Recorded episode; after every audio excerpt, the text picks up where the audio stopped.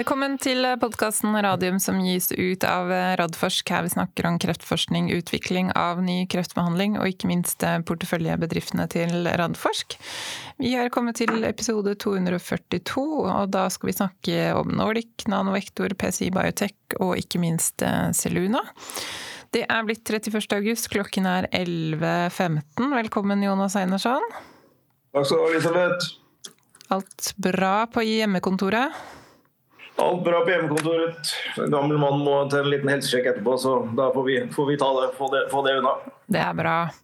Eh, du, vi bare kjører på, vi. Eh, Nordic Nanovektor hadde jo sin eh, lenge utsatte kvartalspresentasjon i dag. Den var vel egentlig beramma til midt i juli, og så kom den i dag halv ni. Jan Egberts, Marlene Brandberg, henholdsvis styreleder og nå CFO slash interim CEO. Det er vel en rolle hun har hatt noen ganger opp gjennom tida. Nei, kanskje ikke interim-CEO, faktisk? Eller jeg går i surre. Ja, ja. Jeg tror faktisk. Ja. I hvert fall, eh, Det er jo ikke så lenge siden de sendte ut en børsmelding om at de ser på hvordan de skal restrukturere selskapet, og de har også hentet inn eh, Carnegie Investment Bank for å se på liksom, muligheter her. Eh, I tillegg så har de jo da altså, hatt en gjennomgang av paradigmet, sett at her er det ikke noen verdier, så nå har de vel er det, er det 70 eh, av um, de ansatte de har eh, sagt opp. Og så til og med eh, altså Erik Skuldre syns jeg egentlig var litt overraskende. Jeg hadde egentlig håpa han skulle vært med videre. Fått veldig godt inntrykk av han. Men det de sier, og sier de ser på, som vi da stoler på, er jo at de skal maksimere effekten altså for aksjonærene. Da lurer jeg på hva som skjer. ja, nei, vi, og skal andre. om, vi skal snakke om PCI etterpå også, og, og, det var jo to relativt forskjellige presentasjoner. da. Eh, med, med tanke på både strategi og, og hvordan gå videre. Men begge selskapene har jo konkludert med at eh, de ikke kan gå videre. Eh, sånn situasjonen er nå med et klinisk løp og, og utvikle produktet videre.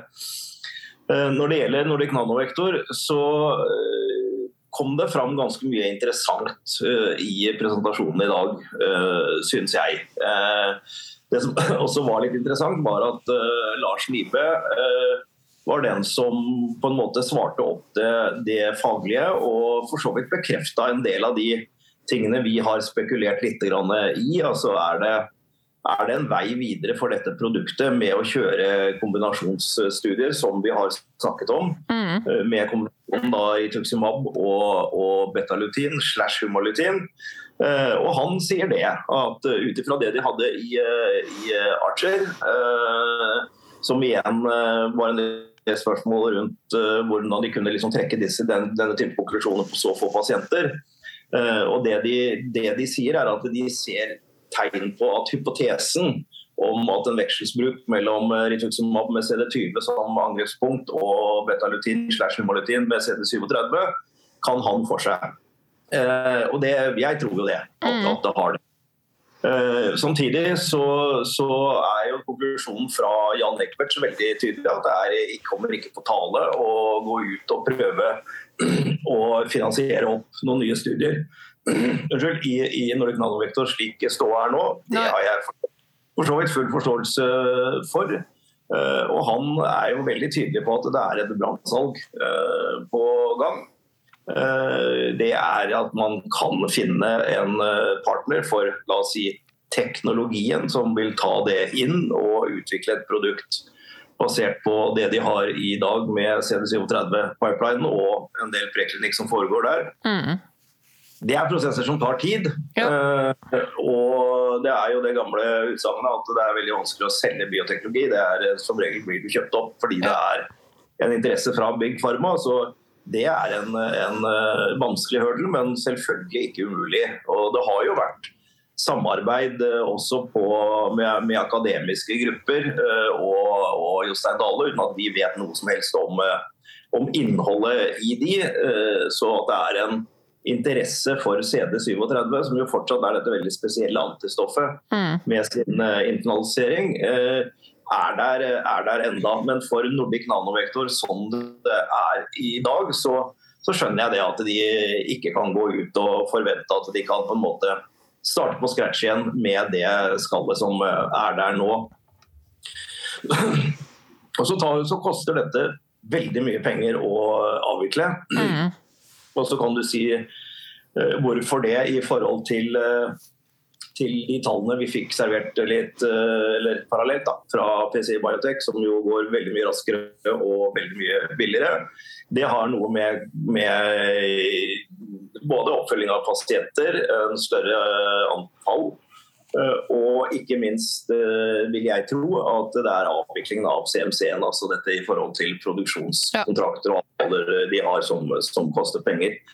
Eh, så, så alt, alt, i alt så, så er, er ståa det at de, de, fikk ikke de resultatene de ønsket i paradigmet. Der kom det også fram en del for meg litt nye, nye opplysninger. Eh, når de da fikk disse dataene eh, så, som de så på, så, så, ser de jo det at det er en, eh, er en, effekt der. Men ikke så mye som de hadde ønsket og håpet. Og da ifølge FDA var en accelerated approval var ikke feasible, eller ikke, ikke Det ville ikke fått. Eh, det er det jo veldig få som får. og Det betyr at de kunne gått videre. Hvis jeg leste og hørte Lars Nibe riktig, så kunne de gått videre med en fase 3-studie. Men det er jo en kjempestor studie, tar veldig lang tid og koster veldig mye penger. Og for Nordic Nanovektor er det helt umulig å gjøre. Mm. Men i teorien så kan jo det plukkes opp av større ja. byggfarmselskap og gjøres senere, men det er jo litt sannsynlig at det, det skjer med det første. Men eh, jeg tenker sånn som eh, Bayer, da. Som, eh, som er jo tungt inne på, på radiofarmasi. Og har jo muskler. De har muskler. Og, det... og kompetanse er jo i Norge det er liksom det mest nærliggende jeg ville tenkt på. da, Eller så har vel du også tidligere sagt at Novartis ser vel på å oppskalere det med på radiofarmasi også? Ja, altså Radiofarmasi er hot. Det mm -hmm. ser vi jo. Vi jobber jo mye innenfor den sektoren. Både på den akademiske siden, hvor Radforskning jobber med å og forhåpentligvis sette opp en enda bedre infrastruktur rundt radiofarmasi på Instituttet for kreftforskning.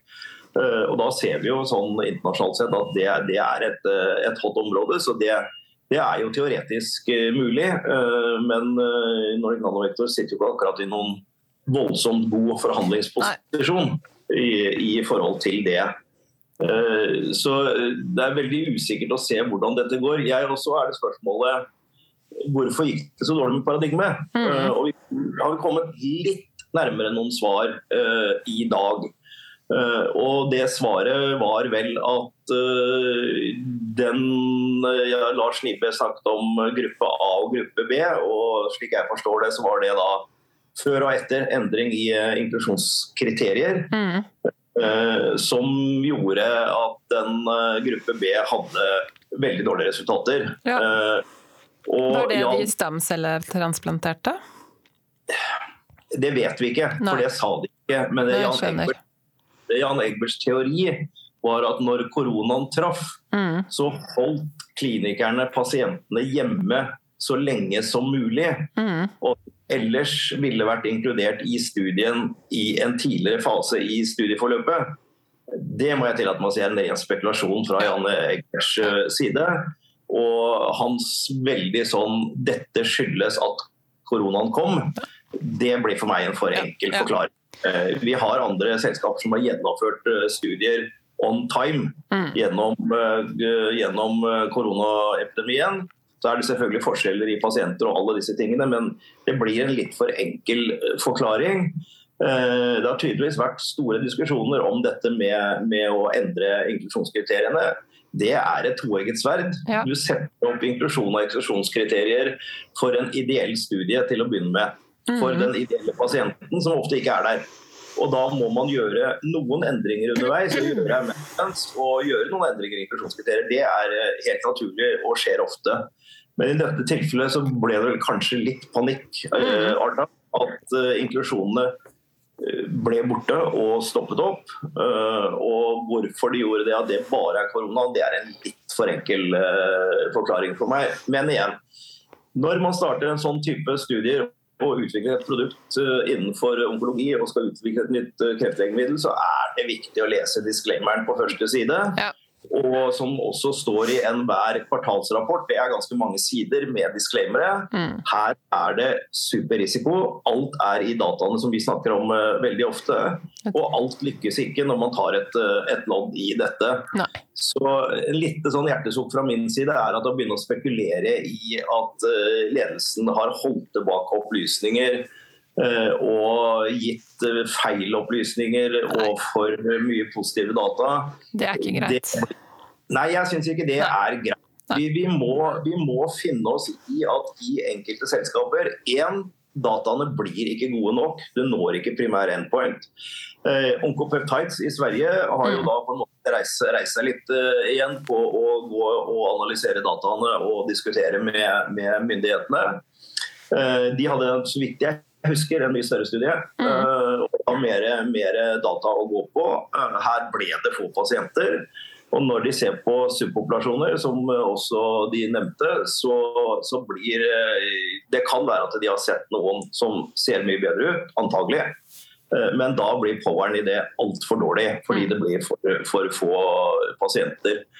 Eh, så nei, det er bottom line. Altså, paradigmet skuffende. Leverte ikke det man hadde håpet på. Er det fortsatt en mulighet for, for denne teknologien? Eh, ja, jeg tror det. Eh, men er det mulighet til å få det til gjennom Nordic Nanovektor sånn som det er i dag? Nei, sier Jan Egberts. Mm. Det må noen andre ta over. Og da kan man eh, enten få noen av de store som er villige til å ta dette, mm. eller at man ser på muligheten til å slå det sammen med, med andre selskaper, hvilket jeg er sikker på at de gjør. Ja. Ja, men da får vi vente og se, for der er vel liksom ståa sånn at de eh, kommuniserer ikke før de har kommet med en konklusjon, ikke sant, i forhold til Carnegie. Ja. Yes, men da kan vi gå videre til eh, PCI Biotech, som hadde sin kuto Q2 i dag. Altså Ronny Skugedal, nå, nå CEO. Han har fått styrets velsignelse til å ta over selskapet. Og det er jo et veldig annerledes selskap å ta over enn det som Per Valdai har vært eh, CEO for eh, tidligere. Nå er det ikke noe klinikk, nå er det bare prekliniske samarbeid og, og forskning. Eh, har også skalert noe, noe voldsomt på, på, antall ansatte, og jeg ser jo at de rapporterer på at de har penger til Er det til 2024 eller ut 2023? Ut, ut ut i 24, leste jeg det ikke sant, ja. Så da har de ja. penger en, en, god stund til, eh, selv om de ikke har så mye penger. Um, ja. Uh, og ja, største nyheten der er vel nettopp det at de går ikke videre med de planene de hadde for en fase to Eh, studie, eh, for der har de rett og slett ikke klart å tiltrekke seg nok eh, penger i forhold til å få for å få gjennomført den studien. Og det tenker jeg kanskje også er like greit, for akkurat det studiedesignet, vi har vel diskutert det, var ikke sånn veldig overbevisende i forhold til å liksom komme seg videre, da, som du faktisk må i forhold til å få en markedsgodkjennelse lenger inn. Men du har sett presentasjonen, jeg så bare Jeg så slutten med spørsmålene fra de den vanlige innringeren fra Sørlandet. Ja. Sørlendingen. Ja. Sørlendingen. Ja, så hva, hva, hva tenker du?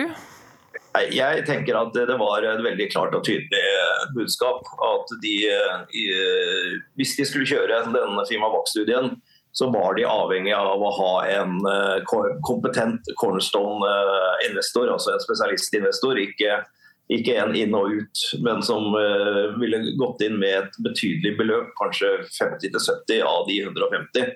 Uh, hvis de skulle lykkes med det. Det, det lyktes de ikke med. Uh, og er, er, helt ærlig på det, at det, det, det fikk de ikke landa. Og da er det ikke mulig for PCI i dagens situasjon å reise penger til dette. Eh, jeg er ikke sikker på om det var noe dårlig avgjørelse. Tvert imot. Jeg har vel uttrykt en viss skepsis til å legge såpass mye penger inn i en studie som selv om den hadde vært positiv, ikke ville vært en game changer, men en, en pekepinn på at man kanskje kunne gå videre. Eh, og det ville tatt relativt lang tid. Så da har de besluttet at de har en teknologi som jo er besnærende. Det har jeg syntes i 15 år, men det har jo vært vanskelig å kommersialisere den. Helt tydelig. Eh, og brer det ut nå og ser hva kan teknologien brukes til. Og Da er det nå et rent teknologiplattformselskap. Hvilket ikke alltid har vist seg å være så galt. Det er fordi har lykkes med det tidligere. Eh, det dukker da stadig opp nye anvendelsesområder. Bioprocessing eh, dukket opp i dag, som jeg absolutt ikke kan noen ting om. Men eh, det er, jo da et nytt område. Det var snakk om lakselus, og det er skinn- og hudbehandling. Og andre ting innenfor Fimanak. Uh, og Det kan godt være at det er faktisk Fimanak som er den teknologien som man kan uh, kapitalisere på etter hvert. Mm. Da tror jeg det må være sånn at det er noen som utvikler sine egne produkter. Enten det er innenfor lakselus eller hårtap eller, uh, eller diabetesår. Mm. Som sier, sier at vi skal utvikle vårt produkt, men vi trenger noe på teknologisiden for å få det til, og den teknologien kan vi tenke oss å bruke. Da kan man plutselig få, en, få lisensavtaler innenfor enkelte områder. Og hvis man da klarer å få flere lisensavtaler som gir noe penger i, eh, inn på bankkontoen eh, i upfront, så trenger ikke det selskapet så store beløp for å få runwayen sin eh, til å gå videre og fortsette å jobbe med sine prekliniske program. Så det, det kan absolutt være, være liv laga uh, innenfor Fimanak, men det er altså ikke mitt område i det hele tatt. Så det, det, vet jeg litt om, men tanken med å ha det som et rent plattformteknologiselskap uh, kan godt ha noe for seg. Og mm. i og med at nå har gjort tatt de grepa de har, så får de litt tid på seg til å prøve det. Når det gjelder Fimavac og den intratumorale som de snakker om uh, der nå, mm har jeg ingen problemer med å skjønne på en måte tankegangen og biologien i det. Det er jo det samme vi gjør i veldig mange selskaper. Nemlig hvordan klarer vi å heve terskelen for uh, checkpoint-inhibitorene, sånn at de virker mm. på flere pasienter. Uh, og i, uh, i kreftvaksineselskapene så gjør vi jo det med å forsøke å få pasientene til å produsere de rette T-cellene som skal samarbeide med, med checkpoint-inhibitorene og øke på den måten. Eh, der gjenstår det å se de endelige resultatene på det. Eh, eller mer sammenligne med onkolytisk virus, som jo Targovax har jobbet med. Det er jo også intratumoralt. Mm. Eh, og spørsmålet er da om den intratumorale gir en systemisk effekt. Hvis den gir en systemisk effekt, altså at at dette virker da sånn at hele kroppen får en, et, et, bedre immunforsvar på T-celler, som jo også dette vil, vil, gå på. Så kan man i teorien se at kombinasjonen da med checkpoint inhibitor eh, kan ha noe, ha noe, for seg. Mm. Eh, hvor, om de lykkes med det eh, og tar det videre etter hvert eh, selv, det tror jeg ikke det, jeg tror de er, jeg leser litt sånn at vi er nå et eh, preklinisk plattformselskap som mm. skal forsøke å gjøre avtaler på det. Mm. Eh, det kan godt være at de kan, eh, kan, komme til å lykkes med det. Så jeg, jeg syns sånn alt i alt, ja, Standard of Care eh, endret seg. Eh, burde de ha forutsett det? Ja, kanskje det. Kanskje det var feilen de, de gjorde, at de rett og slett Eh, for andre gang på en måte gikk inn i et felt hvor checkpoint-inhibitorer ikke fungerte godt nok til å komme på som behandling. Eh, og så gamble på at eh, de da kom først på markedet med noe før checkpoint-inhibitorene eller kombinasjoner av immunterapi skulle overta. Det var antagelig en så ikke godt nok inn i krystallkula, hvilket ja. er svært vanskelig, men eh, det var nok resultatet der. Mm. Så eh, for Nordic Nanovektor kan vi lære noe av hvordan man setter, har satt opp studien og inklusjonskriterier og alt dette? Ja, det håper jeg virkelig vi kan, og må dykke mer ned i. Men det er sånn gjort er gjort og spist er spist også der. Uh, og så da det vi vel egentlig visste, at uh, vi må være veldig, veldig grundige på å se hva vi tror om standard of care og hvor lang tid det vil ta for våre selskaper å skaffe resultater. Og tro at den standard care da vil være der i en del år, år fremover. Så det er absolutt ting å lære her. Mm. Det er det. Da kan vi jo heller gå over til de litt mer oppløftende nyhetene. Altså Biotek er jo som kjent eh, binært. Det, enten så går det veldig bra, eller så går det veldig, veldig dårlig. Men over til det ja. som er veldig hyggelig, det er jo da den nyheten som kom fra Seluna forrige uke, om at de har jo hentet inn Det var litt over 100 millioner. Eh, og at Takeda har gått inn med ja, ukjent sum, altså med en større sum og investerer i selskapet. Det er eh, skikkelig gøy, og som Anders Tuv sa til E24, det er en ordentlig validering av teknologien i selskapet. Ja, det er det, det, er det absolutt. Altså, punkt én, De har fått både fra eksisterende og andre aksjonærer klart å gjennomføre en uh, hyggelig emisjon. Mm. Og så har de fått en uh, direkte investering fra Takeda Invest. Uh, og Takeda er som sikkert alle vet et svært seriøst og stort farmasøytisk selskap. Mm. Det, er, det er ikke Takeda som har investert eller inngått noen avtale, det er Takeda Invest. Ja som har investert eh, penger i, i, det selskapet. Men det er klart at Takeda Invest går vel neppe inn i noen selskaper som ikke er innenfor eh, fokusområdet til, eh, til Takeda. Så, og det er ikke lett å få de inn i et preklinisk selskap som Seluna er. Men et tydelig signal på at de syns at det er spennende ting som foregår. Og i mine øyne er ikke helt tilfeldig at de faktisk eh, skanner og følger litt med hva som skjer eh, i, i vårt, vårt, eh, lille land. hvor det, vi selvfølgelig nå har vært igjennom noen, noen tøffe ting som vi akkurat har, har snakket om. Mm. sånn er det i denne bransjen. og da begynner liksom å tro at det viser at vi ikke er i stand til å utvikle noe her i uh, Norge og få til noe. Og at vi var en som sa at jeg burde gå tilbake, ta tilbake det jeg sa for 20 år siden, at ikke vi skulle drive som lisenskontor, men uh, utvikle noe selv. jeg mener fortsatt at vi skal gjøre det, og jeg mener fortsatt at vi har, har vist både gjennom Fotokur, gjennom Algeta, gjennom interessen nå fra Seluna, eh, og at vi har eh, andre selskaper som er i ferd med å i hvert fall vist at de er i stand til å inkludere eh, raskt og sette opp gode studier. Nå gjenstår det å se også hvordan det, det går ut. Men vi har jo også en underskog av andre selskaper som vi jobber med. og vi ser en betydelig interesse fra Big Pharma. Vi ser en betydelig interesse fra internasjonale spesialistinvestorer som vi er i samtaler med, eh, med flere selskaper.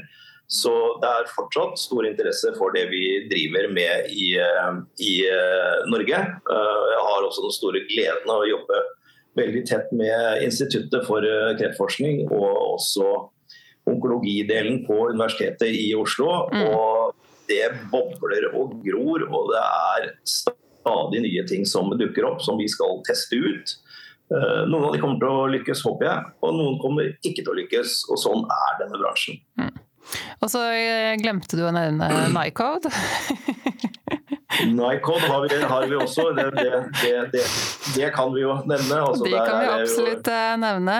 Eh, og så er det faktisk en nyhet jeg tror vi har glemt å snakke om. og det er at Onkoinvent har vel meldt at de går videre med fase to på Radsferin med spredning til, eh, til, eh, bukhulen fra tarmkreft. Så de setter vel ja. opp studiet nå på eh, altså De fortsetter i Oslo på Røyksehospitalet, og så utvider de Eller det har de kanskje gjort også tidligere i fase 1, på Uppsala i Sverige.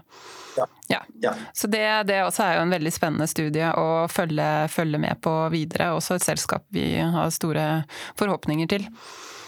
Absolutt. Mm. Så det.